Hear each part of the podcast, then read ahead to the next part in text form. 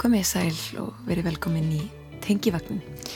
Við erum hérna Halla, Fanni og Anna Geða og verðum með ykkur næstu tvo tímana eða svo. Þættinum er skiptið tvent og eftir fréttir fáum við til okkar Rakel Mjöll Leifstóttur.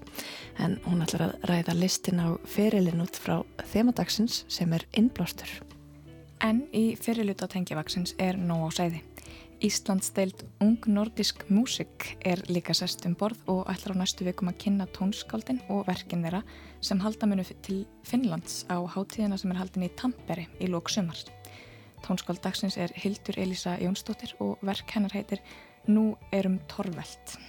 Ég vil helst vinna þannig að þú getur ekki sagt að verki sé annarkvort myndlist eða tónlist heldur að þetta sé einhvern veginn svona blanda begja Ragnæður Geða Jónsdóttir fjölmilakona flyttur síðan fyrsta pistilsinn í röð um litbriði mannkinsins til sálar og líkama. Fornir Rómverjar skráðu ættartölur mikill að höflingja þeim til frekari göfgunar en ekki síst til að rekna erðarjætt hvers ætlilar. Við heimsækjum síninguna Óleikt í verslunar og síningaríminu Fischer. Úf, já. Þetta er Þetta er útrúlega sannfærandilegt. En við byrjum á bókmentunum. Marjana Klara Lútersdóttir heldur áfram bókmentarinni sinni. Í dag segir hún hlustendum frá bókinni Dagbók Bóksalans eftir Sean Bittell sem kom út hjá forlæginu Uglu á þessu ári. Dómstags spár um dauða bókarinnar og jafnvel enn frekar um dauða bókabúða hanga yfir Sjón Bithell þar sem hann situr einn og norpandi yfir köldustu vetrarmánuðina í fornbókabúðinni sinni í smápænum Wigtown í Skotlandi. Suma daga liggur við að engin raski róans annar en samstarfskona Nicky sem býr 25 km frá Wigtown en keirir þanga tvísvar til þrísvar í viku til að vinna í búðinni. Áður fyrir var starfsfólk mun fleira en nú dugar innkoman ekki til að borga starfsmanni í fullu starfi. Þetta hljómar kannski fremur dapulega en bókin er þó allt annað en sorgleg. Raunar er tótnin léttur og frásögnin full af húmor, þótt vissulega sé hann fremur svartur á köplum. Í bókinni rekur Bithell daglegt amstur í fortbókabúðinni yfir eitt ár, frá februar 2014 til februar 2015. Hann keipti verslununa árið 2001, er rétt rúmlega 30 að aldri og þraukaði gegnum kreppuna 2008. En nú er bara vona að heimsfaraldur COVID-19 gangi ekki endanlega frá þessari stæstu fortbókaverslun Skotlands. Það er bókaforlægið Ugla sem gefur út þessa fremur óvæntu meðsölubók og snjólug Bragadóttir sem þýðir. Þýðingin rennur yfirleitt príðilega í gegn en á stöku stað koma undarlegar setningar þar sem þýðandin hefur sleftið að þýða eitthvað orðagrín og þá á kostnað skiljanleika frásagnarinnar. Þá er eðli málsins samkvæmt mikið rætt um bækur og sumir bókatillar þýttir yfir á íslensku og er þá ekki alltaf ljóst af samhenginu við hvaða bækur er átt. Eins og allir sjálfstætt starfandi bóksalar berst byggþel með kæfti og klóm gegn stóru bókabúðakæðjunum, rafbókavæðingunni og síðastinn ekki síst gegn Amazon risanum sem er á góðri leið með að þurka út bókabúður heimsins. Höfundurinn talar tæpitungu laust um hvernig landslæði bóksölu hefur gjör breyst á undanförnum áratugum og hvernig baráttan verður sífælt vonlausari. Hvernig er hægt að fá fólk til að kaupa gamlar bækur þegar hægt er að finna þær ókeppis rafrænt á netinu? Hvernig er hægt að undirbjóða reysa sem hefur öll töklu og haldir í bæði sölubóka og dreifingu þeirra um allan heim?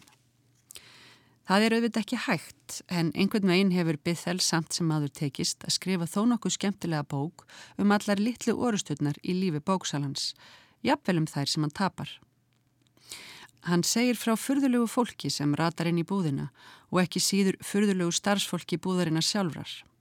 Lýsingar hans á viðskiptavinum eru raunar svo litrikar og sláandi að einhverju hljóta að vegra sér við að fara inn í verslunina af óta við að verða kvössum skrifum eigandansa bráð en þó eru þeir mögulega fleiri sem hefðu bara gaman af slíku æfintýri.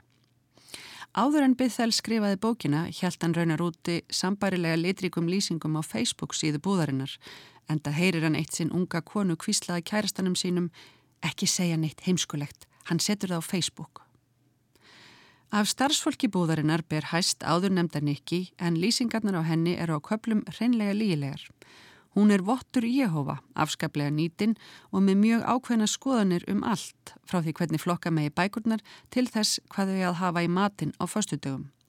Bithell er óvægin í lýsingum á henni en finnur þó sniðuga leið til að leifina að jafna metin þegar hún fær um miðbyggbókar aðgangað áður nefndri Facebook síðu veslunarinnar og lætur þar gammin geisa um Bithell sjálfan.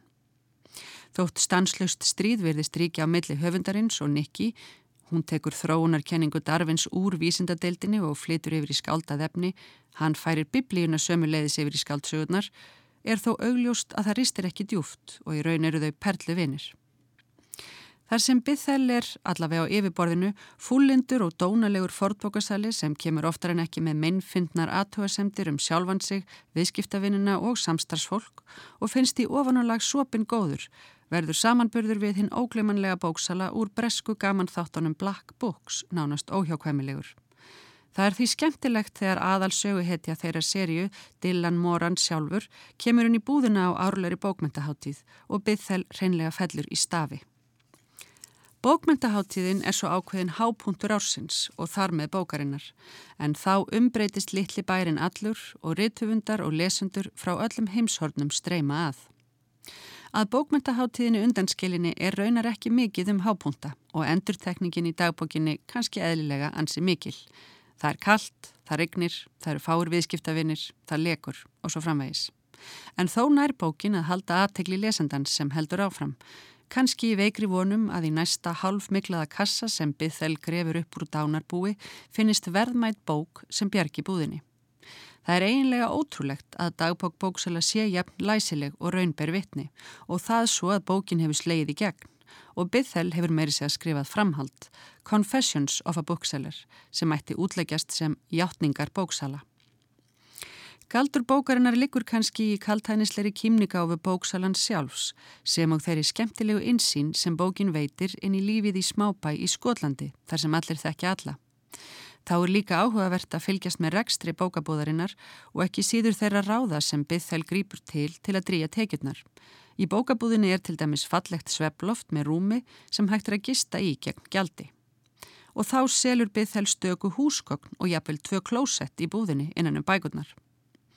Áhugaverðar eru líka ferðir byggþæls í heimahús til að kaupa bækur úr dánabúum, nú eða þá að fólki sem er sjálft við dauðanstyr og er að ganga frá sínum málum og þar með bókasöfnum.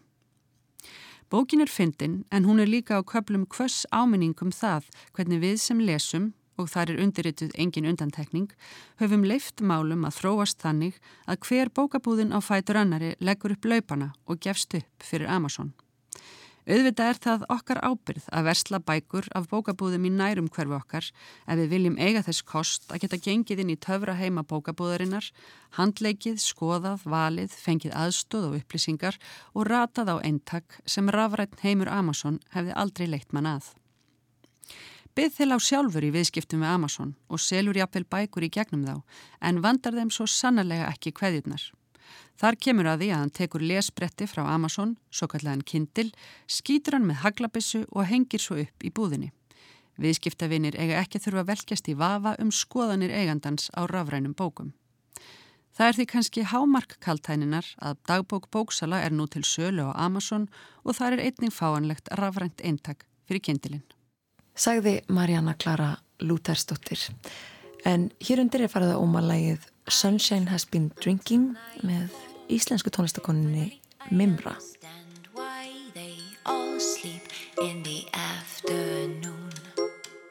Why do you keep me waiting?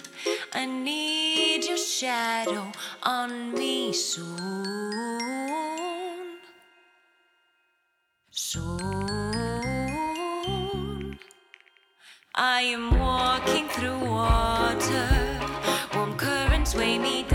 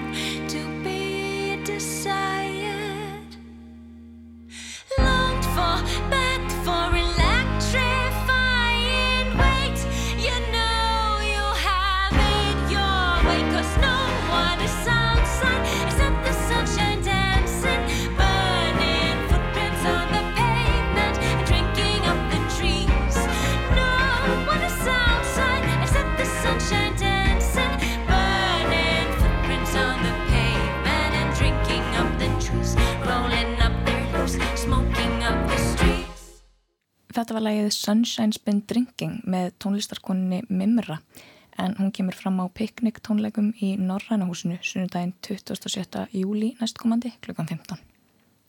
En Íslandsdeild ung nordisk músík er sest um borð í tengivagninum og ætlar á næstu vikum að kynna tónskáldin og verkin þeirra sem halda mönu til Finnlands á hátíðina sem er haldin í Tampere í lók sumars.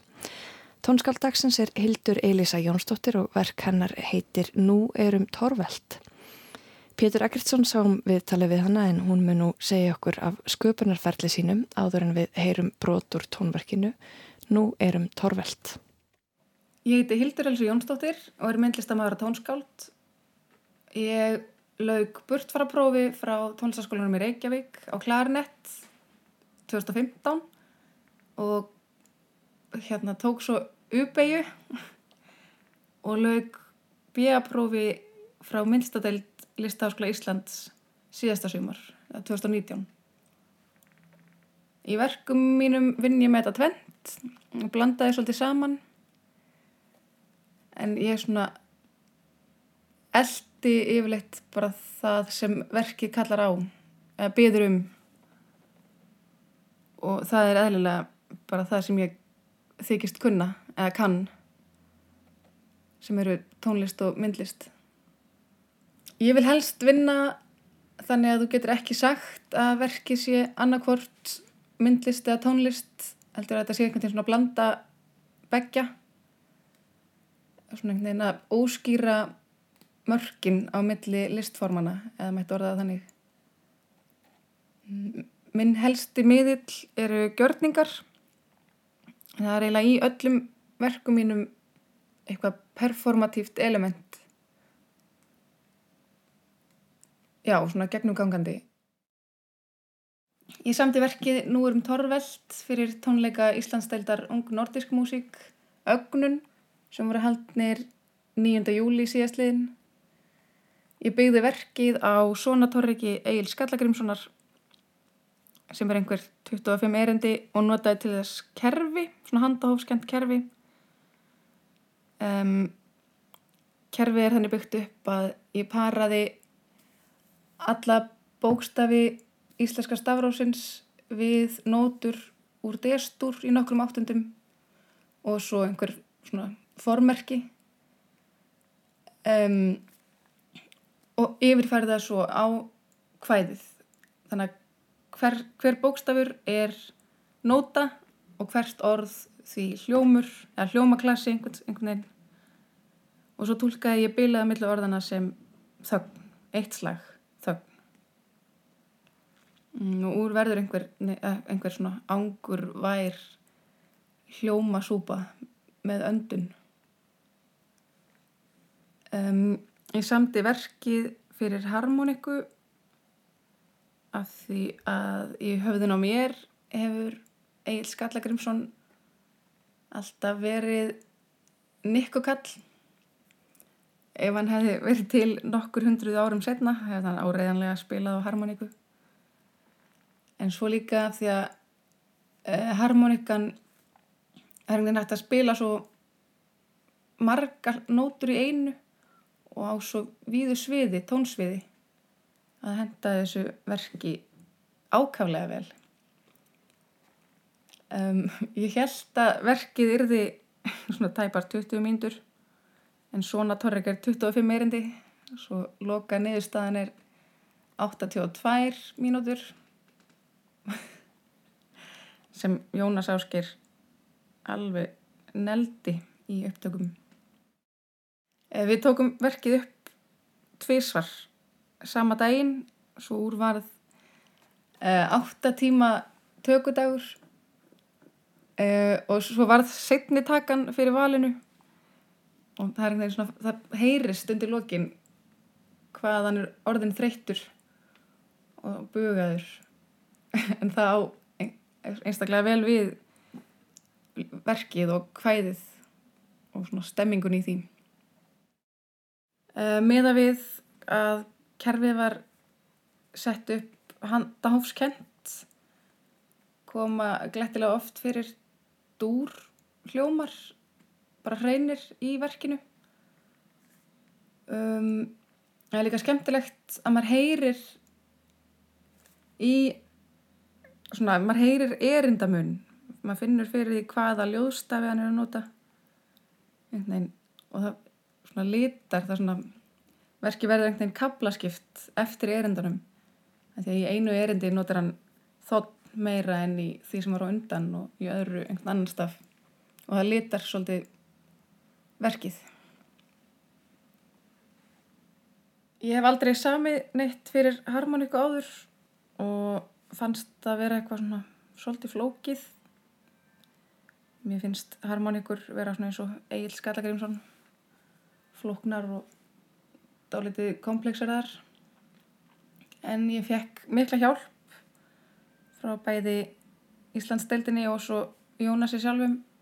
En ég fekk að senda honum fjögur drög að verkinu sem hann svo sendið tilbaka með leiðrættingum.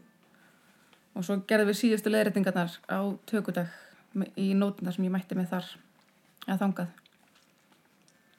Mm, í verkinu sem er myndbandsverk eins og er setur Jónas á dínu út á miðju gólfi svona svörtu umhverfi hvít dína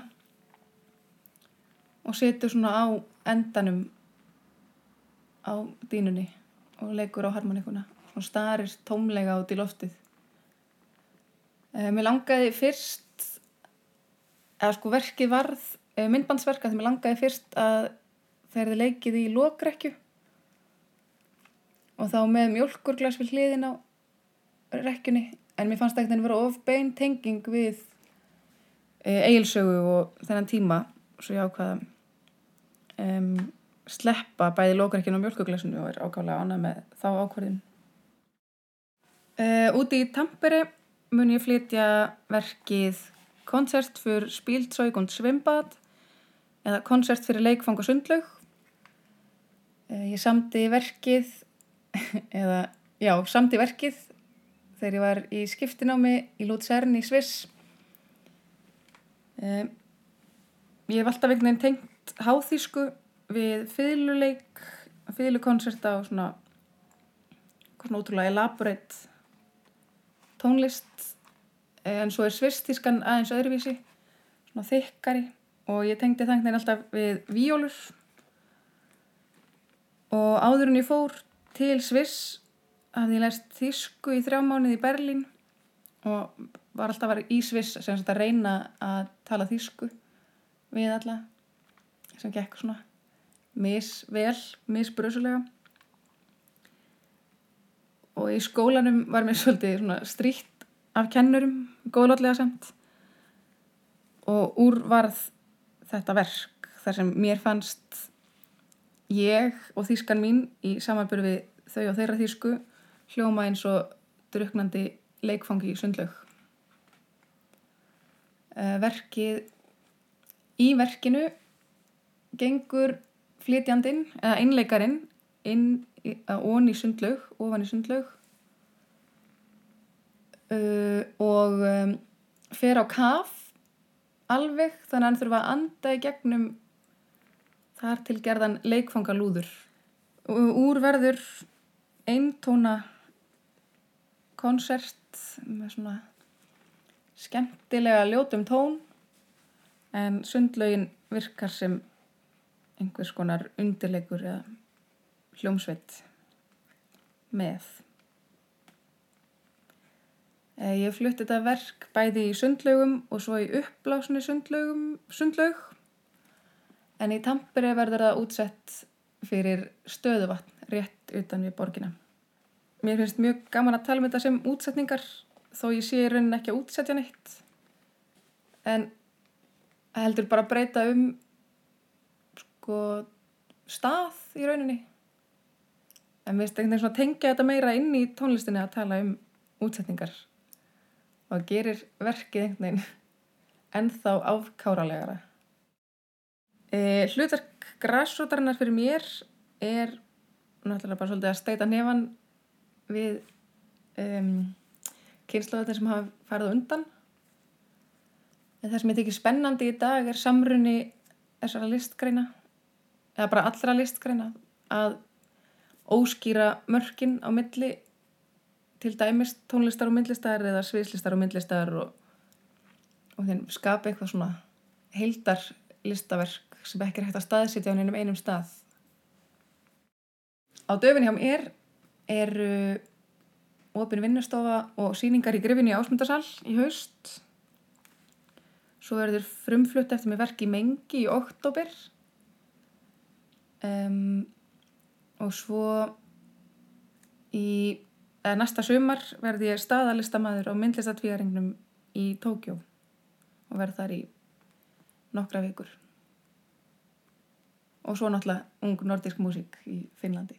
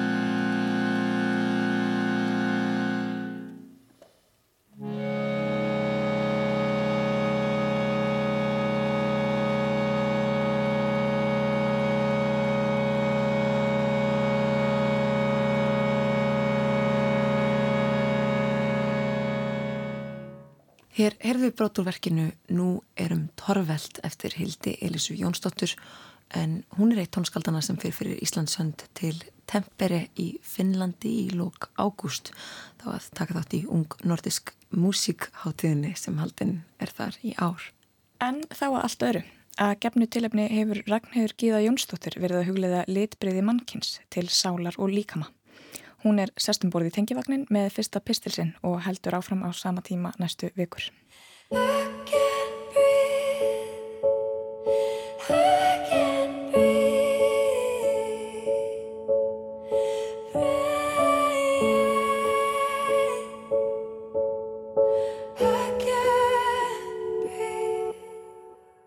Upp til hópa eru þeirra eigaskeggjar hér norður undir pól þeir sem eru af grjóthörðu og íslensku bergi brotnir, taldir komnir af frægustu landnámsmönnum eigunar, norrænum frá vestustrand Noregs flestir og svo frá norræn keltneskum beigðum á Breitlandsegjum og Írlandi.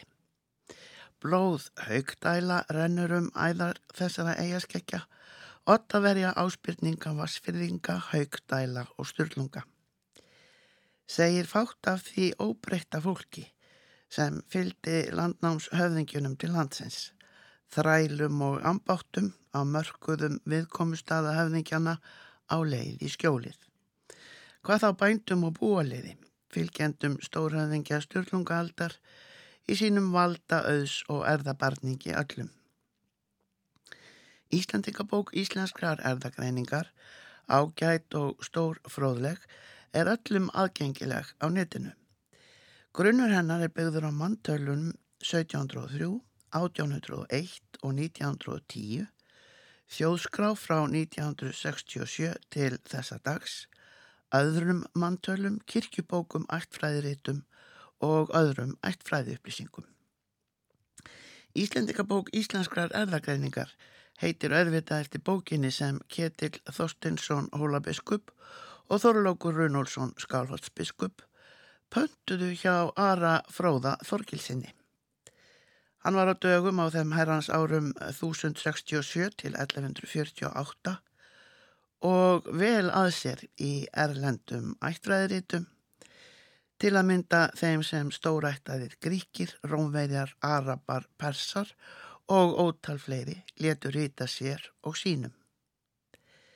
Talið er að hann hafi rittstýrt sinni Íslendingabók einhver tíma á áránum 1122 til 1132 og borið undir áður nefnda biskupa og Sæmund Fróða Sigfússon í åtta. Í formála Íslendingabóka segir Ari Fróði að þeim hafi líka svo að hafa um sumt en aukið við annað.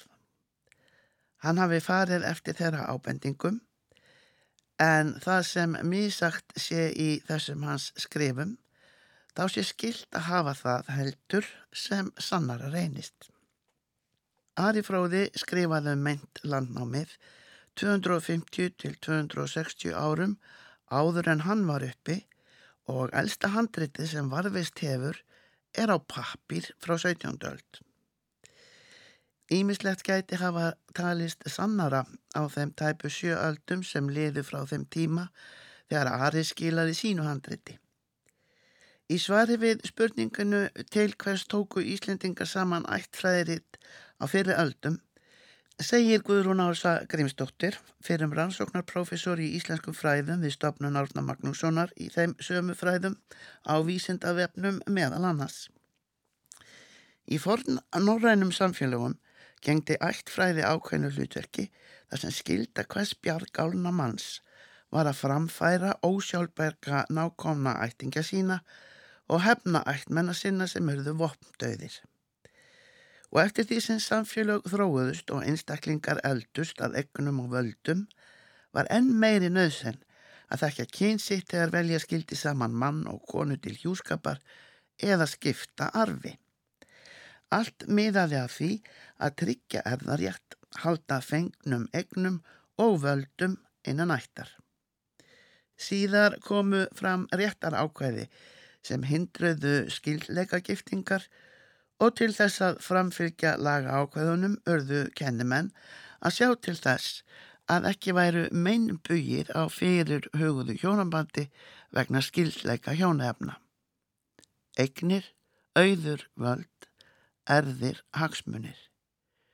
Í skjóli frá skattheimtu Haraldar Hárfara eða Lúbu í skattaskjóli sem sé. Þingir það einhverjum bjöllum hjá nútíma íslenskum fölbleikum ef ekki undanrennu bláum bergreysum. Ingólfur héttan sem endur fyrir laungu Ísaland vann og naf og bjóð sér þar ból Snorri Sturluson er sagður fættur árið 1179 vestur í Kvammi í Dölum. 31 ári eftir að Ari Fróði lést. Meintar sættir í deildartungumálum einum af forleikjum Sturlungaaldar urðu til þess að Snorri Littli var á þriðja ári sendur í fóstur til Jóns Loftssonar, góðórsmanns í mentasetrinu í 8 á Rángarvallum. Læs hefur hann sjálfsagt komist í Íslendingabók Ara fróða en hann las og læði ímislegt fleira meðal annars frá fjarlægum löndum. Fornir Rómverja skráðu ættartölur mikill að höflingja þeim til frekari göfgunar en ekki síst til að rekna erðarjett hvers ætlilar. Ekki er vitað hvort Snorri var mikill latínumadur en ungur gæti hann hafa heitlast af frásögnum profesora í Otta af til dæmis góðsakna kendri ættartölu Cesars. Gaius Julius Cesar taldist komir af Venussi, geðju ástar kynlífs fegurðar frjósemi velsældar og sigra. Sónur hennar og Anki Cesar, frænda og tengdasonar Príamósar Trójugöngs, Eneas, slapp úr umsátrinu við Tróju með svonsinn, sveig Dító Garthagódrottningu í Túnis og komust feðgarnir að lokum til Alba Longa á Ítalíu að leggja drögað Cesari. Ekki verður farið út í valdabröld snorra hér um þúsund árum síðar. Árið 1220 til 1223 bjóðin í Stafólti á meðan unnið var að endurbyggingu í Reykjóldi í Borgarfeyði. Staðurinn gerður að miðstöð kirkju og lærdóms og virki utanum allt saman. Á glæníu riðloftinu í Reykjóldi hefur Snorri eftir vil þrjumar heimskringlu sína yfir reytarafjölda sínum þar á meðal ynglingasögu. Hann segir kringlu heimsins þá er mannfólkið byggir mjög vokskorna. Stór höf úr útsjánum gangi inn í jörðina eitt frá Njörfasundum, Gíbraltarsund, til Jórsalalands og annað af því hafi til land norðurs, Svartahaf. Það skilji að heims þriðjungana, austanhafsins sé Asia, vestan þess Evrópa eða Eneá, eftir áðurnemdum Eneasi. Norðan Svartahafs sé svo svíþjóð hinnu mikla, eða kalda. Ekki svo svíþjóð sem við þekkjum, heldur skýþýja mikla í sunnanverður Úslandi og þaðan í austur. Menn segi hann ekki minni en Serkland til mikla, land Mára í norður Afriku og högsanlega í vestur Asju, eftir trúbóð muslima af Arabíuskaga í allar áttir líki í vestur, að spámanni þeirra látnum árið 632 af okkar tímatali. Hann auki segis Norri frá Blálandi hinnu mikla í Afríku, auk tveggja annara Blálanda þar. Að sögn Snorra fellur á mikil úr fjöllunum norður í óbyggðum síþjóðar hinnar miklu og heitir hún Tana Ís, Tana eða Vanakvísl og til sjávar í Svartahafi. Tælja menn Tana Ís, fymtur lengstu á í Evrópu, sjálfa Dón. Austan hennar segir Snorri Ásaland eða Ásaheim, þar sé höfustæðurinn Áskarður, blótstaður mikill. Höfðingi borgarinnar hafi verið óðinn, hermaður mikill, viðförull og eignast mörg ríki. Þeir sem kunna sína Iljónskviðu muna kannski eftir vöskum Eþjóbíu kongi Memnoni. Hann gekk til liðs við Príam Trójukong með mikinn herrlanda sinna og Indverja. og dúkar upp í fleiri fornum rítum en hómerskveðum. Snorri okkar hefur haft pata á málum Eþopíu kongs. Í prologus ettu sinna segir hann Múnon eða Mennon Tengdason Príams og eiga konungsdótturina Tróan. Ekki finnst hún í fljótu bræði meðal barnaskara Príamskongs tíunduðum á fjölda nettíðina. En sagan er góð. Ekki síst þegar sonur þeirra Memnons er nefndur. Að sögnsnorra hétt gullinhært ofurmennið Trór við göllumann Þór. Á ferðum sínum um heiminn hitt hann spákonum, Síbil, hann að göllum við Sif. Síbilur voru að sönnu spákonur fordra og hund heiðina Grekja og Rómverja. Nítján kynnslóðum síðar eða svo var svo einn afkomenda Þós og Sifjar nefndur Vóten við göllum hann Óðen. Kona hans var fríkíða Frekk. Viðfrettin sagði þeim hjónum að nafn Óðins erði uppi haft og tygnaði í Norðurálfu umfram alla konunga. Því heldu hjónin frá Tyrklandi á samt fylgismönnum sínum fjölmörgum, dvöldu um hríði í Sakslandi í núverandi Þískalandi austanverðu og svo voru sínir þeirra settir yfir lönd þeirra þar þegar hjónin heldu enn norðar gerðu sér bústað í núverandi Svíþjóð áður en þau heldur til núverandi Noregs. Þessar frásagnir Snorra Sturlusonar eru forvitnilegar og skemmtilegar. Skildi vera fótur fyrir þeim.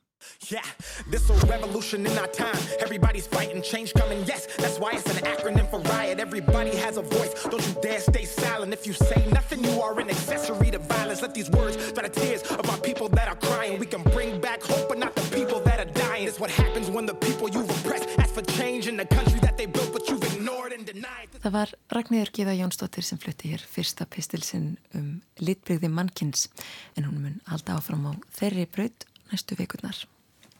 En frá litbreyðum mannkins yfir í lyktarskinnið fanni kannaði síninguna ólykt í verslunar og síningaríminu Fisser og við skulum heyra hvernig henni tekst til að miðla lyktarskinninu í gegnum útvarpið.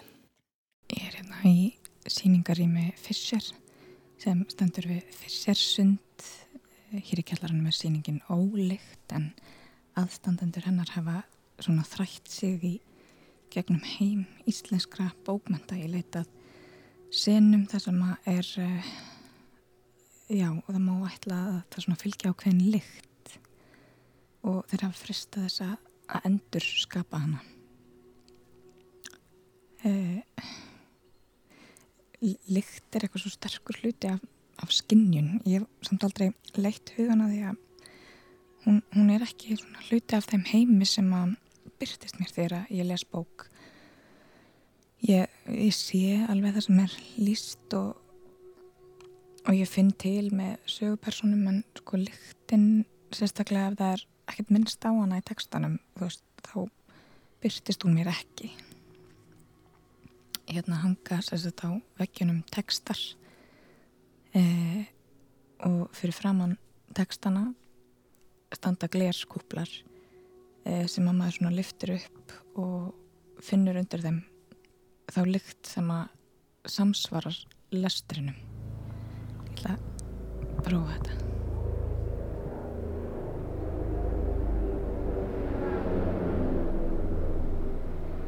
Hér er eh, brot úr bókinni Bókasapn Föður míns eftir Ragnar Helga Ólafsson. Reynsla mín að því að brenna bækur hefur kent mér eitt framar öðru. Bækur vilja helst ekki brenna Það er erfiðisvenn að brenna bók Þegar ég brendi mína fyrstu bók, sem reyndar var fyrsta bókin sem kom út eftir sjálfan mig, kom þetta mér um koll. Það reyndist hefði mesta hark að koma nægur súrefni að brunanum. Lóku bók brennur ekki, hún verður að vera opinn, útbreytt eins og blæfengur ef verkinu á eitthvað áfram að miða. Og hér, hér lefti ég upp lóki. Úf, já. Þetta er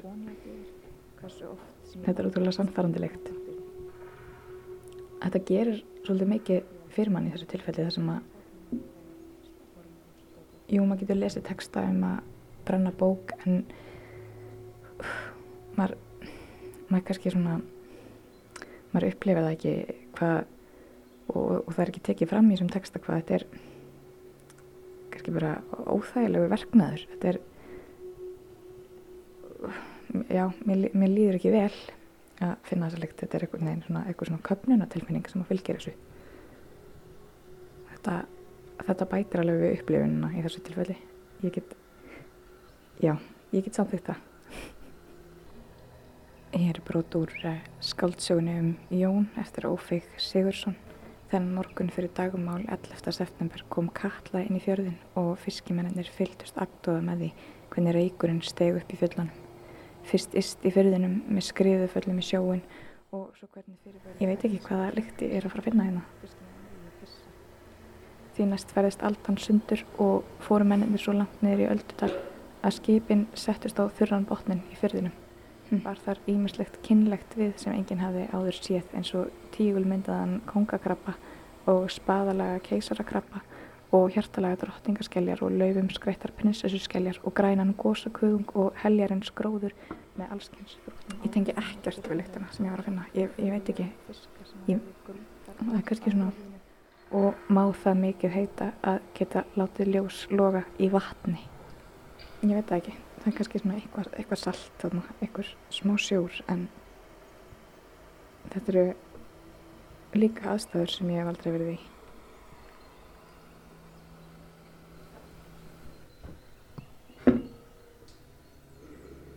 Ó, hér er kaffi. Mjög sannfarandi kaffi. Þetta er alveg bara mér langar í einan kaffibóla pínu sætt brend kaffilikt.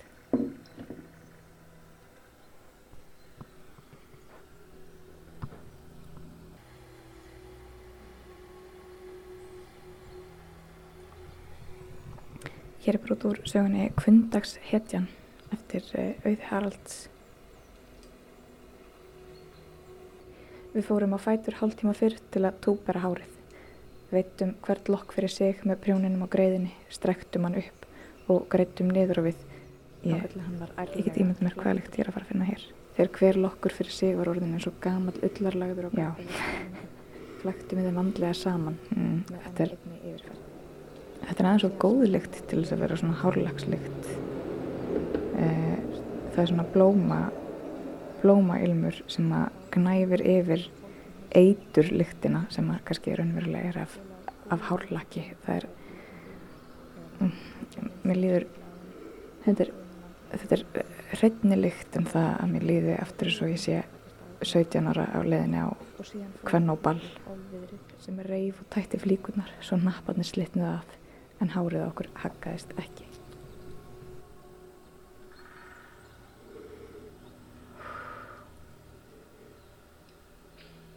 hmm, hér er svona grasalikt Þetta er, já, þetta er mitt. Ég var ekki eins og múið að lesa titilin, þetta er Grasaferð eftir Jónas Hallgrímsson. Þetta er, já, þetta er bara grasalikt, ég get eiginlega ekki sagt þetta annað. Þetta er ekki, þetta er ekki lykt af grasi, þetta er svona, þetta er eitthvað lykt sem að maður mann eftir bara úr æsku, einhvern veginn liggjand út í einhverjum haga.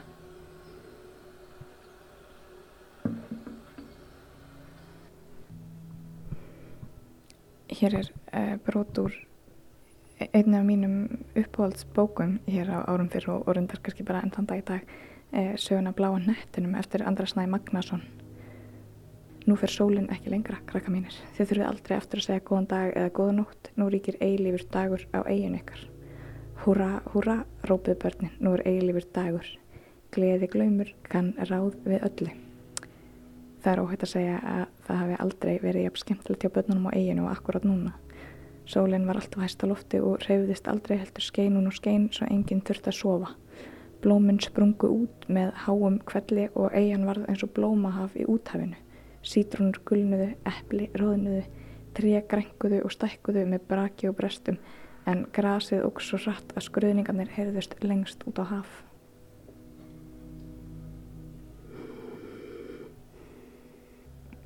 Alltaf gaman hér að finna þessa lykt sem er bara hugarsmíð eitthvað annars upp úr þessu þessu broti eh, af því ég, ég veit ekki hvernig, ég þekki lyktina af kleinum en ég þekki ekki lyktina af eilífum degi. Hún er rosa góð.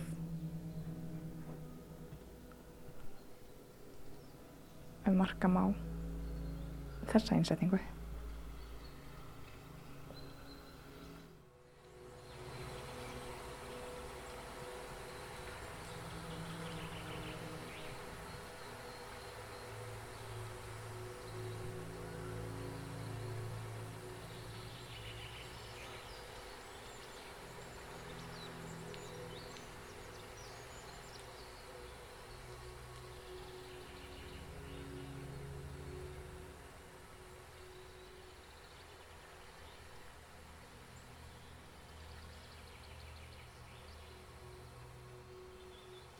Já, þannig þú varst þarna í Fischer verslunaríminu að e, þefa.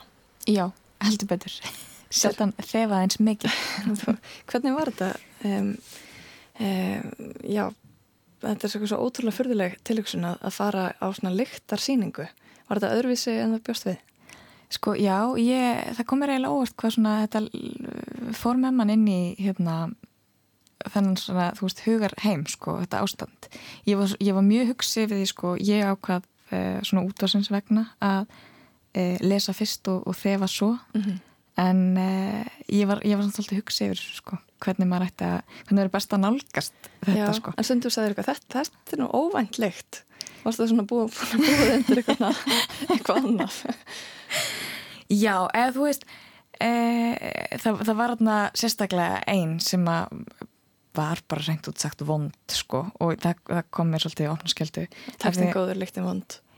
Já, já, einmitt en, en þú veist, en tekstin að lýsa ykkur sem var ekkert gott, skilru, Mhm. og en hérna en já, ég, svona hálfpartin bjóst við að það væri, að því að þetta er svona e, þau þarna í fissir eru svolítið svona að vinna með svona ilmvötn og ilmi og svona og ég var svo hissa að þau skildu leifa sér að fara bara út í það að búa hreinlega til bara vonda lykt Já, eitthvað sem myndi ekki kannski verða ilmvatn. Nei, einmitt Eða hvað, er þetta salt sem ilmvatn? Nei, Nei. ég ekki svo ég viti allavega og ég, vona ekki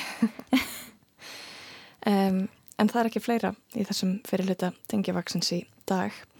Eh, við verðum hér aftur eftir fréttir en þá kemur til okkar góðu gestur Rakel Mjöll Leifsdóttir tónlistakona og við ætlum að ræða ásamt henni lífið og listina og spila tónlist út frá þema dagsins. En í dag er þemað innblástur. Við skulum í tilöfni þess enda þannan fyrirluta lægi með hljómsveitinni Dreamwife sem að Rakel Mjöll er meðlumur í. Lægið er Old Flame af plötunni So When You Gonna. Heyrust eftir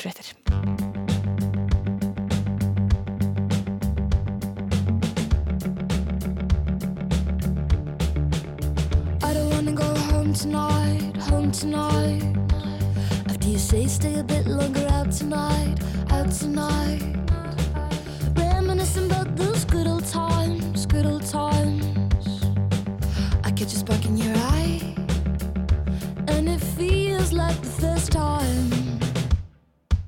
So familiar yet so new. Our skin's got to more loose. More freckles, more of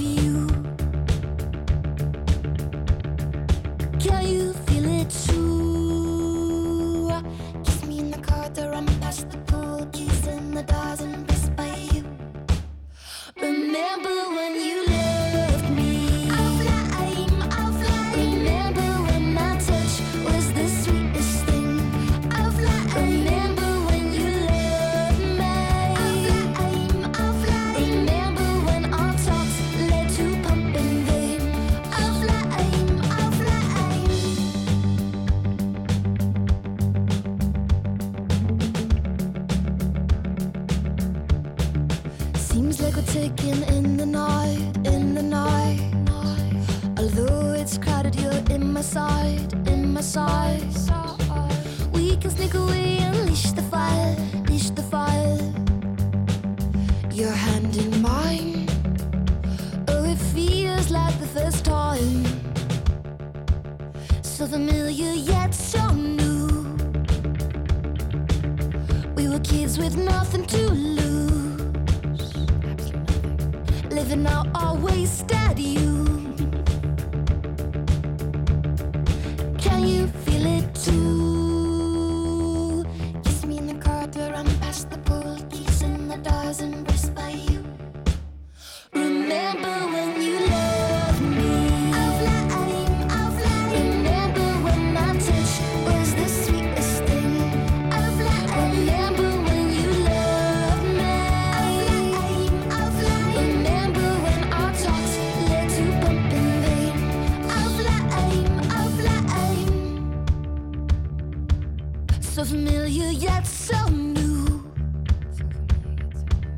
So familiar yet so new.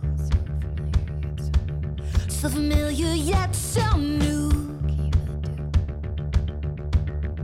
Can you feel it too?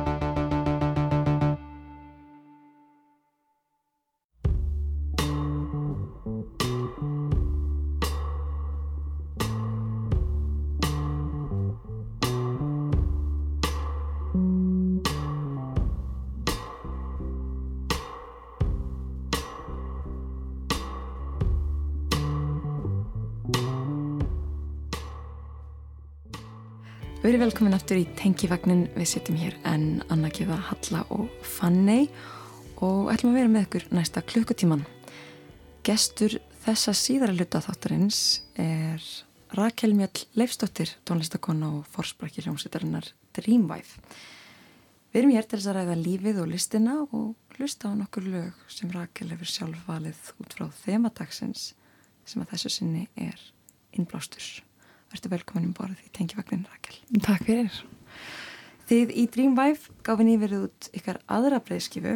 Platan nefnist So When You Gonna og verðum um þessa myndir átjóndasætið á lista yfir 20. finnselstu plötur í Breitlandi.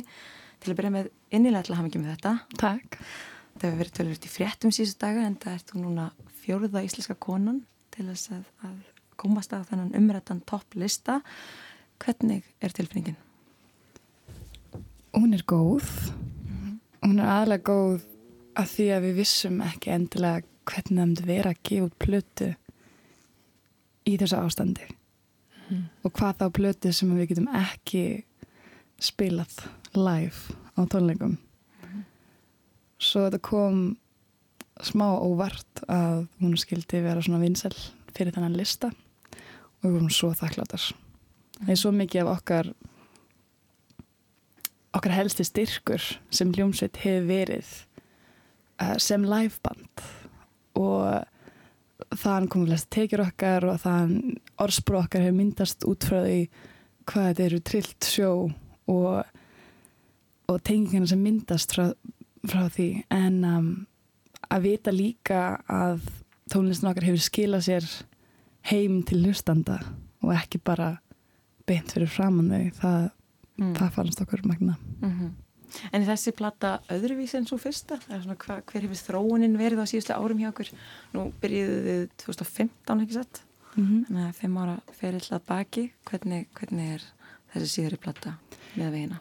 Við byrjuðum, við kynntum til listaháskóla í Brighton í Englandi. Ég flytti út til þess að stunda nám við listaháskólan þar og kynnti svo Alice og Bellu sem eru með mér hljómsveit og þær koma frá Suður England.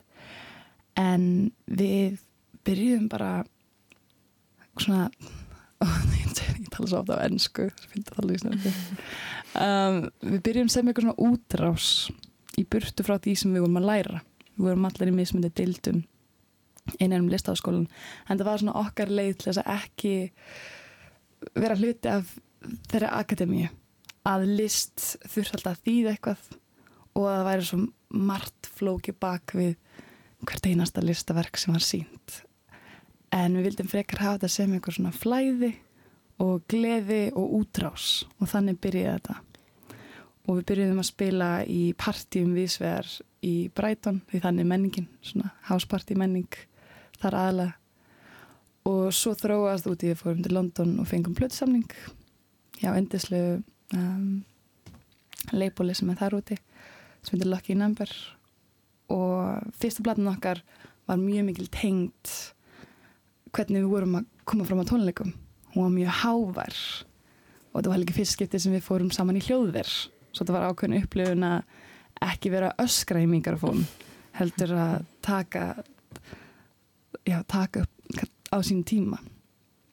En þessi plata þá erum við búin að upplifa þessi mismöndi stig.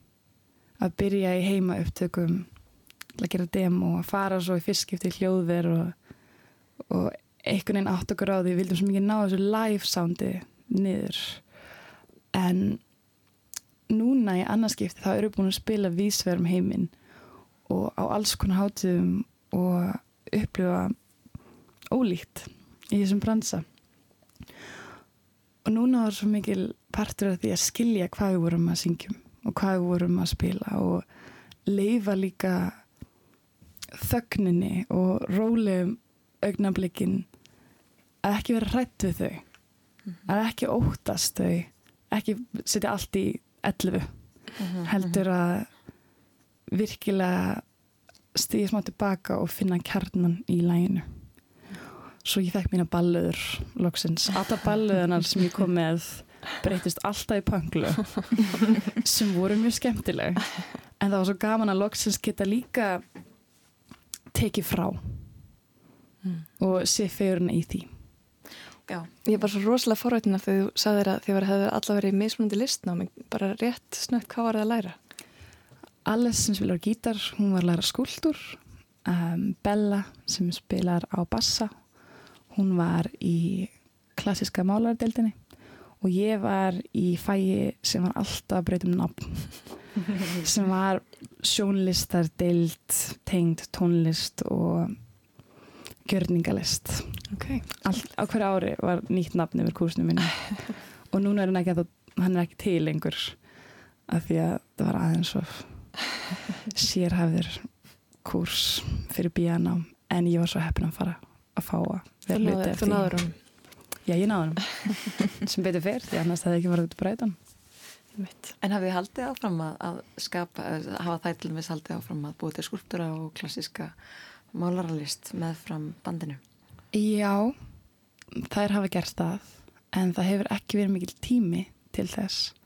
En mikið eftir eins og við grínumst oft með að okkar líf er eins og við, fór, við fórum aldrei úr listaskólinum þetta er enda svo mikil sköpun og gleði og samvinna. Við fáum að ráða svo marga vinn okkar til þess að koma með okkur í tónleikafélag til þess að mynda, til þess að búa til vídjóinn og við erum alltaf í stöðu samtali um kjarnan í hverju lægi um plötuna heilt svo mér lýr eins ég klára aldrei listan á mitt því það er ennþá í gangi og með þeim.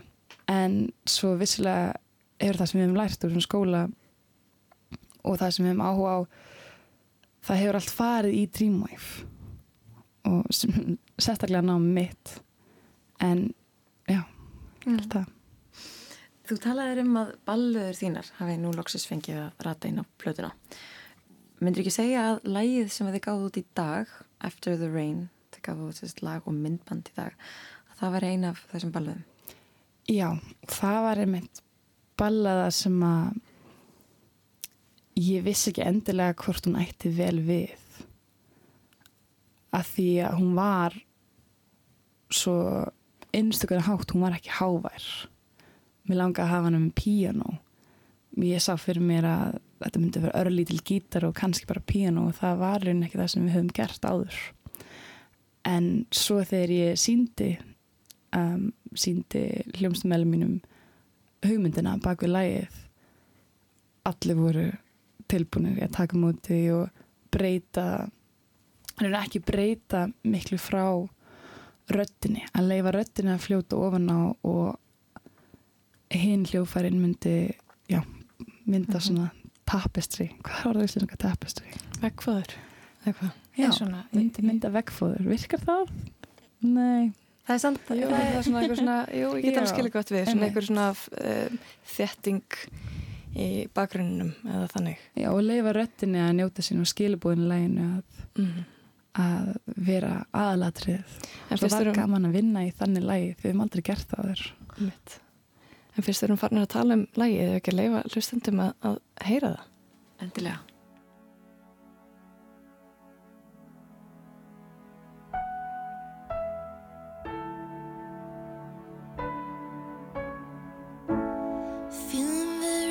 Honest today. I'd like you to walk my way. I don't know how long you will stay or how quickly it will go away. There's no front, no flick of the hair. All my insecurities, no ego to bear. There's no way out of here but up or down. Daughter, not ready to be anyone's mother. To be loved from far away makes me understand, feel the game of being raised this way. Taking in the smell after the rain.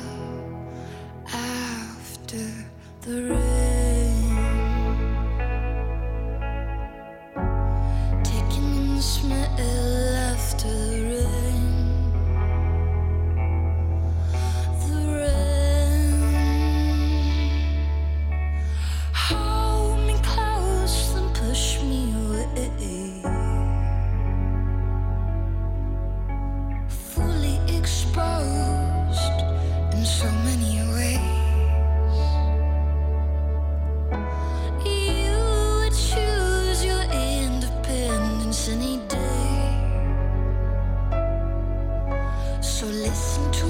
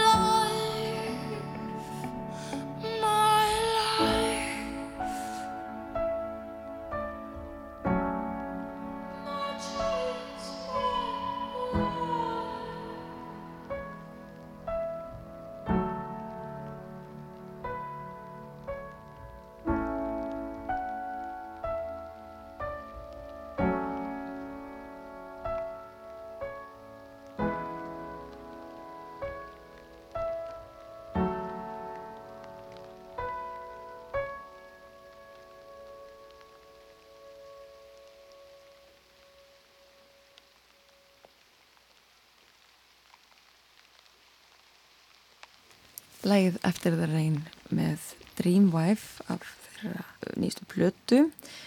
Rakel Mjöll situr hér með okkur, söngkona og fórsprakki bandsins. Rakel, þú skrifaði þetta lag.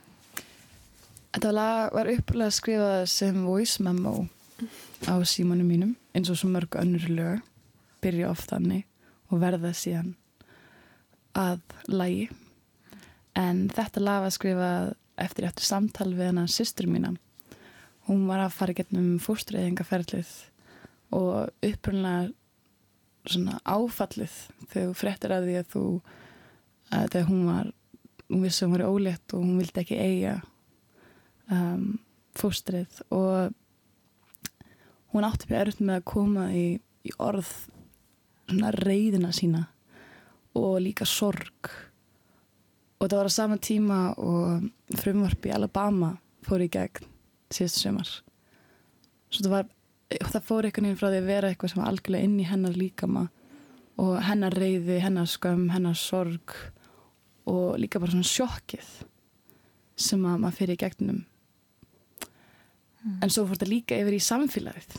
Þegar þetta frumvar fór í gegn í Alabama þá þá var þetta miklu stærri en hún.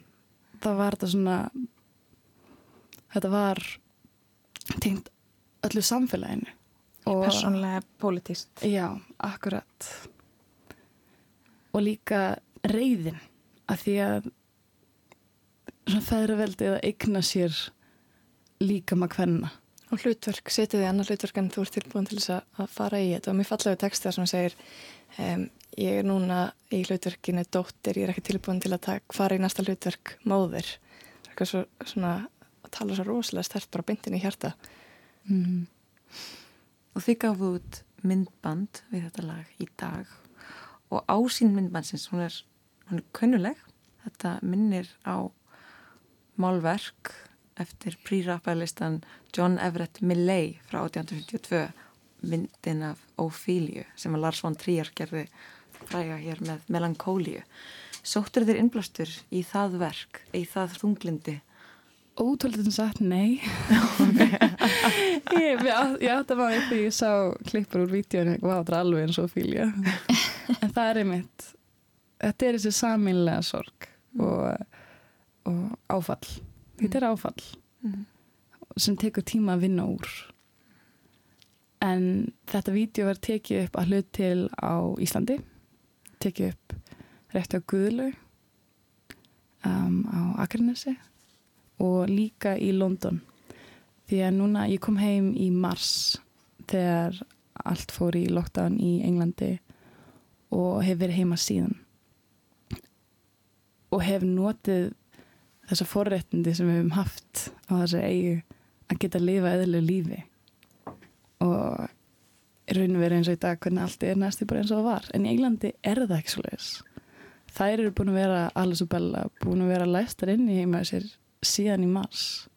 Og það er bara núna í síðustu viku sem að þær eru að hitta vini og, og fara út í garða svo leiðis svo þetta er þetta var frekar flókið þegar við vildum gera vídeo. Upplega ætlaði að gera þetta á Íslandi og þurftum að breyta því konseptið þegar um, þegar land þegar já, þegar allt lokaðist á þeim tíma.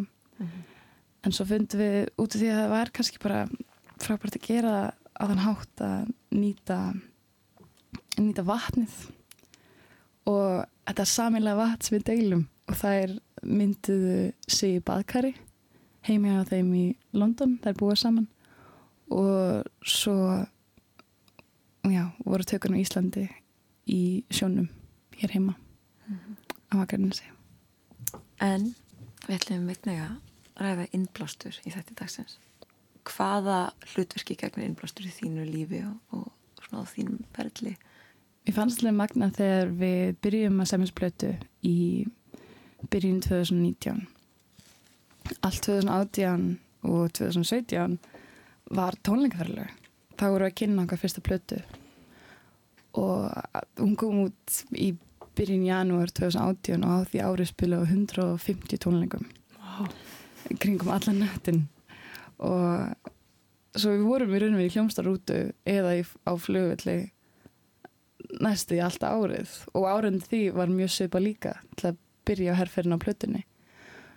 Svo þegar við komum heim til þess að ja, þegar jólinn komu þá og ákomd okkur nokkru vikur frí og það eru lengstu tíminn sem við höfðum eittir inn í sundur frá hvort öðru sem við byrjum sem okkur fannst frá að fyndið. En um, þegar við byrjum aftur að semja og eftir kvíld eftir að leifa sig að kvílast eftir svona já, rússipanna sem síðan tvö ár höfðu verið upp að þeim tímpúndi þá fannst mér smá eins og ég væri svona njóstnari í mínu einn lífi að því ég var að leitast eftir innblæstri til þess að semja. Og það var líka fyrst skipti sem við höfum leift okkur að taka okkur frí því vanlega var þetta bara go go go og spila og segja já við öllu. Og, og það sem var búið sem var frábært en það er fyrst sem við leiðum okkur að taka okkur nokkur mánuða frí að spila ekki. Og þá fannst mér eins og ég var upplifið með sem eins og Sophie Kahl listakonan. Það sem ég var eitthvað svona gransko öll samtölun mín. Og væri að horfa á ólíkar upplifin getnum vinahópa eða ástarsambönd. Þá eftir að það ætti sér stað eða á meðan það var á eigast stað? meðan Held Þögur þáttakandi í samtalið bara byttið Í raun og og líka því ég var svo vön, mitt eðlega líf hafði orðið að vera í hljómsdarútu og mæta í einhverju borg og, og líka þegar maður er í þannig rútinu það er svo mikilvægt að vera á staðinu um leið stýr og svið þú ert akkurat það sem þú vilt vera. Og þannig upplifum við allar saman að við erum mætt og næstu eins og einhvers konar hugleðsla að stýja á svið því þú ert algjörlega þar og þú vilt ekki vera neinstan annars þar Já. og það er eitthvað sem við tilhefum okkur getnum alltaf ferðlega að spila svona mikið og túra við það. Og mér fannst eins og ég hef notað það saman við líf mitt. Svo mínar upplifanir við upplifanir í bara mínu lífi og, og samtölu vinu mína, mér fannst ég vera algjörlega á staðnum og ekki annar staðar. Og þannig var innblásturinn fyrir mörgum lögum á þessu plötu og líka að geta verið til staðar fyrir vinin sína. Mm. að geta tekið símtalið og haft allan hugsinn þar og geta mætt upp á spítala með vinkurinn sína sem er gangið með hann hluti.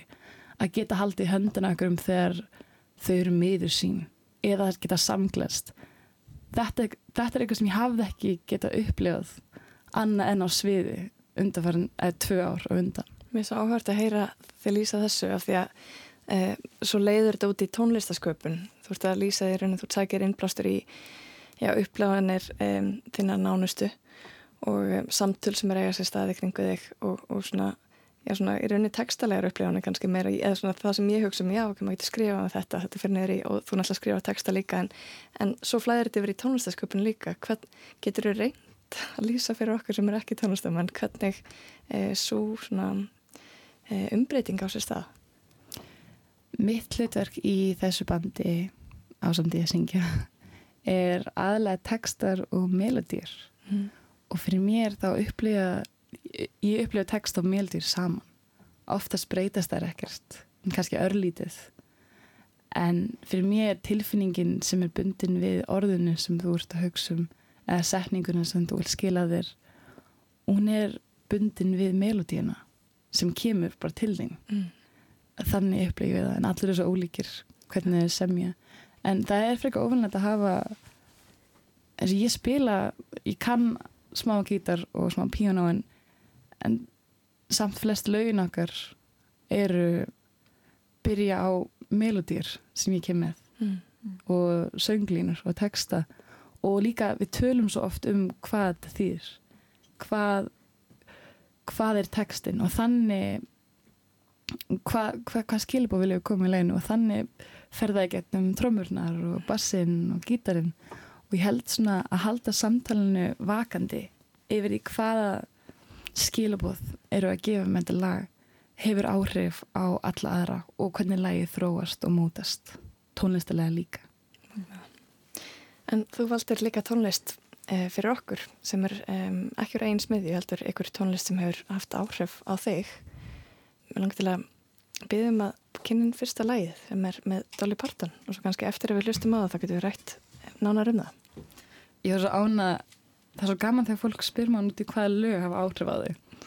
Því að þau hafa svo mikil áhrif á þau og fylgja er getum all lífið þitt. Ég heyrði fyrst Dolly Parton því ég lísti yfir sem barn að mig langaði því ég var alltaf að vera stór þá langaði mig að vera leikona, söngkona og kúrikastelpa. Og þá datt mömmu í huga að sína mér tónlistan Dolly Parton af því hún var allt reynd en Dolly Parton er svo mögnu kona eins og Anna geði við maður oft tala um hana saman. Wow, þetta er heilt heimur.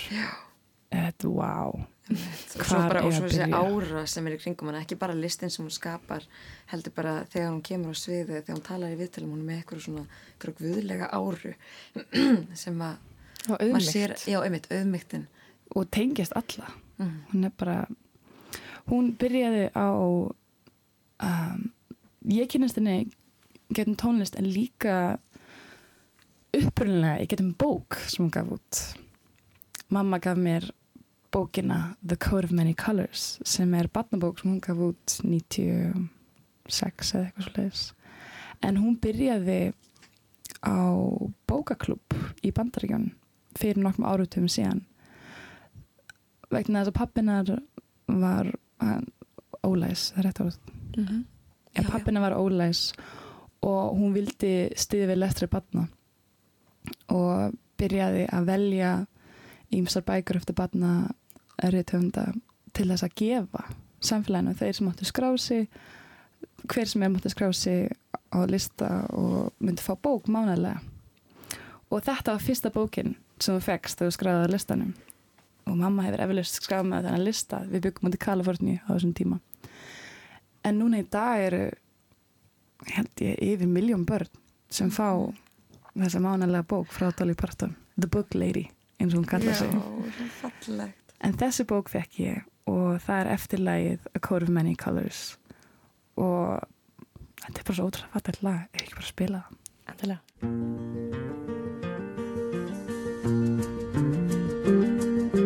Back through the years, I go wandering once again.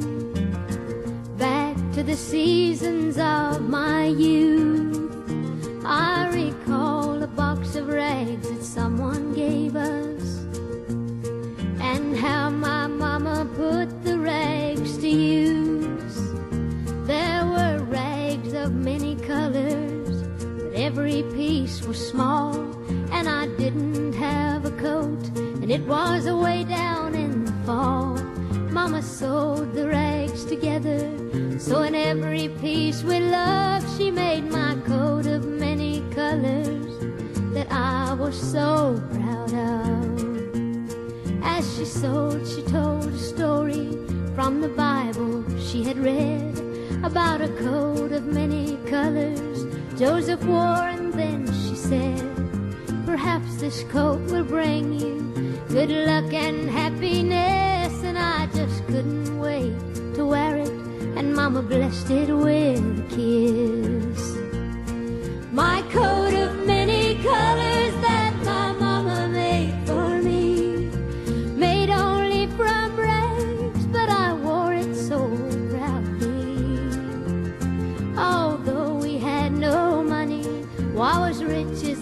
I could be in my coat of many colors my mama made for me. So with patches on my breeches and holes in both my shoes, in my coat of many colors, I hurried off to school just to find the others laughing and making fun of me and my coat of many colors my mama made for me. And oh, I couldn't understand it, for I felt I was rich. And I told them all the love my mama sewed in every stitch. And I told them all the story mama told me why she sewed, and how my coat of many colors was worth more than all their clothes. They didn't understand it and I tried to make them see That one is only poor only if they choose to be. Now I know we had no money But I was rich as I could be In my coat of many colors. My mama made for me Made just for me. Dolly Parton og lægið Coat of Many Colors. Tónlistakonan Rakel Mell Leifsdóttir er gestur tengifaxis í dag. Rakel, þú sagðir okkur frá því rétt á þann að, þú verður sérlegur aðdáðandi Dolly Parton og að áhugin hafi, um, já, spratt frekar snemma hjá þér. Hvaða áhrif heldur að Dolly Parton hafi haft á þína tónlistasköpun? Reynskilin. Hún er svo ótrúlega reynskilin í textunum sínum og þetta lag fjallar um æskununar um að alast upp fátæk en að alast upp í mikil ást og í fallri fjölskyldu.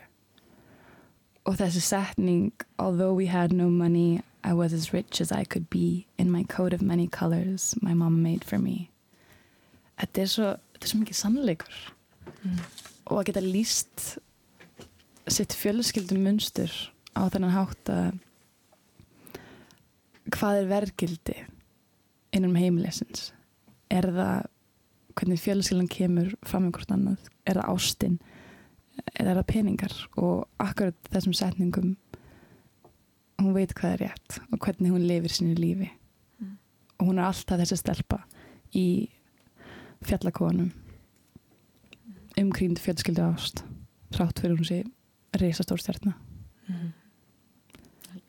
En hún er svo reynskilin í Texas-miðun sínum og líka hún hefur gefið út kringum 86 blöður á sínum ferðli og þetta er ekki sapplötur sem ég er að tella með. Ég skrifa béretki mínu um Dolly Parton. Býtu, af hverju varst ekki búin að segja það? Ha, býtu nú við, hver var yfirtitill þeirra rítgerðar? ég man það ekki. Um, ég fannst hún ekki nógu góð. En ég tilengaði mér halvt ár í því að skoða raunin allt sem ég gæti lesið mig til um Dolly Parton. Hún gáð þrjár um, sjálfsæfisögur þær eru frekar svipaðar. En það er svo margt tengt Dolly Parton sem er tengt okkar samfélagi. Svolítið áhvert hann að gefa þrjár sjálfsæfisögur ef maður hugsa um típuna sem Dolly Parton allan að byrtist okkur. Hún er svo rosalega passa sem um svona að vera ekki meitt of, ofnber, svona mjög, já, svona prívat. Við tölum að sem þetta með við hlustum á lægið. Og svo í rauninni skrifar hún þrjár sem þú segir að séu sveipaðar sjálfsæfisögur. Svona næstu sem séu að passa, passa svolítið upp á e, söguna sína, reitskoða sér svolítið. Það er reynda rétt að því að uppurlega um, æfisann sem kom út 1989 hún fæst ekki neinstæðar Mm. og þú getur bara fengið hana í gegnum eBay og hún er svo sem er mest líkust henni og svo hinn að tvær sem koma eftir á voru rítskoðar hugsa ég og eru Ah. mjög svipaðar Kostar þessi gamla æfisaga mjög mikið? Er þetta þessi krassandi æfisaga sem að fólk er að selja á 700 dólar á eBay? mögulega en ég reyndar á eitt eintak Ná, Mm, ég skal hafa ykkur, hún er mögnuð en hún er ekki eins mögnuð þetta podcast sem kom um daginn ótrúlegt hérna hlaðvarp um, um líf og störf Dolly Parton og, og samengjennar við bara allan okkar samtíma. mm. Já, líka gott að hún sé að það vera að líti yfir sögunar með öðrum augum í dag með þessum kynja glerum sem hún á svo sannlega skilið, finnst manni. Já, mér finnst eh, áhugavert þú, þú talar um að hérna, Dolly Parton hafi veittir rosalega innblástur og ég held að sé engin uh, tilviljun uh, ég, ég man eftir því sem sko þegar ég var unga að hafa verið að leita bara í eitthvað svona sterkar konur og bara verið að verið mjög leitandi eftir eitthvað svona fyrirmynd. Uh, þið gefið núna út plötu og mér skilst það að standi bara konur á bakveðana, er það rétt hjá mér? já, hún heitir Marta Solangi sem að prodúsa hana og hún valdi teimi sem að sá um mastringuna mixið og að setja hana saman. Svo þetta var æðislega upplifun og mjög bara gefandi að vera í svona ótrúlega félagskap Var þetta meðvitað alveg að hafa bara konur á bakvið? Já, þetta var samtalið sem við áttum og við vildum líka sína það fram hvað það er mikill misjöfnur Mm. í dag að það er ekkert það er ekki fá konur að vinna við þetta heldur eru fáar sem eru ráðunar og sérstaklega af stórum útgáðafyrirtækjum sem oftast ráða sama hitmeikarinn sem er ekki hvernmaður oftast en um daginn þá komist við eh, um daginn og fyrir í þessar viku þá komist við á þennan vinsaldar topplista Já, topp þegar við- 20 topp listan í 20. Breitlandi. Já, og við komumst að því þegar við vorum að horfa yfir listan að við værum eina bandið sem væru að gefa út plötu independent uh, label, indie label Já. og eina bandið sem væri með hvenna upptökustjóra Vá. og prodúsa og hvað þá með heil lið af æðislega hvern fólki bak við okkur að búa hana til svo það áttu okkur í svona svart og hvítt hvað við sáum hvað var mikil misjönnur ef við höfum ekki verið á þessum lista ef við höfum ekki gefið þessu plötu ef við höfum ekki unni með hvemmanni þá verður það engar á þessum lista svo það var svo mikið undir Og það hafði kannski enginn tekið eftir því heldur. nei, akkurat Einmitt. og líka talað um það En hvernig hefur umræðan verið þá? Hvað hefur fólk eh, talað um í, í þessu samhengi? í raun og veru þetta er ekki skortur á flottum upptökustjórum og prodúsurum heldur er minni menning fyrir að ráða þér og Sipa eins og Björk gerði fyrir nokkuð árum síðan þegar það kom ykkur frétt um að Arka hefði bróðist alla plötununa sem er ekki rétt því hún bróðist held ég meir hluta en hann sjálf og þá kom þá rauninu byrjaði þessu halgur byltinga á samfélagsmeilum að konur sem var að vinna bak við tjöldin í tónlistar gerð voru að setja myndir af sér á netinu við hliðin á upptökuborðið Mm. að í stúdíunum að sína að það væru konur í hlutverkum og það var ekki skortur á þeim. Mm. heldur voru það bara ekki ráðunar Mm. svo þetta er svo mikið hvað getur einstaklingun gert og fyrir okkur það er að ráða. Og ég vonandi verið myndi að opna augu fleiri sem eru að vinna hjá bæði um, útgáfu fyrirtækjum og tónlistamenn hver eru baka blöður okkar? Hvernig lítur svo mannski út? Mm. Hvað eru við að segja? Algjörlega, sínileiki uh, Mikilvægi kvenkins fyrirmynda til dæmis. Er það ekki eitthvað sem þú hugsaður um?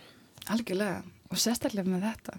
Á síðasta ári þá er ekki 3% af plötum sem voru gefnar út í hinnum vestruna heimi þær voru gefnar út eh, það voru með hvern upptökastjóra 3% Mm. það er svo fáránlega lág að tala og hvað þá með heilt Mhm. lið baka sér sem er sem, eh, hvað þá með plötu sem er unnið alfara af hvern Það er fólki áhugavert að vita hversu marga plötur eru unnir bara af köllum. Já. 97% Nei, bara af köllum en ég. Já, á, mörgulega 95 heldur Kæmur ekki vort En þú varst með fleiri lög sem, að, sem að þú ætlar að, að um, kynna fyrir okkur eða allan að spila fyrir okkur. Já, leið tígra og eins og tala um við vorum að leitast eftir hvernfyrirmyndum sem unlingur þá fannst mér mjög erfitt að tengjast við einhverjar sem voru að gera hávara tónlist við fannst svona, svona þegar maður var að vera unlingur svona mið 2000 það var skortur að háveru hvernfólki í tónlist á svona vinsaldar listum Já. og ég held í raun við maður hugsa tilbaka að það var rauninni Le Tigre uh, Carno um, Alison Mosshart og CSS og ég get talið það einni hönd. Um, og ég var alltaf leitast einmitt í hávara konur. Að þeim horfið fyrir eitthvað tilbaka 1970, 80 í þessar sterku hvern típur sem gátu verið hávarar en á sama tíma gátu verið einlægar og svona sína mismundi hliðar af sér.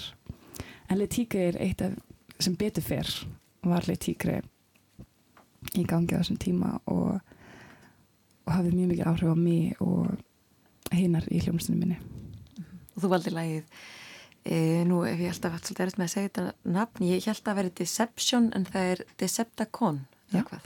Trétt. Hlustum Who took the bomb?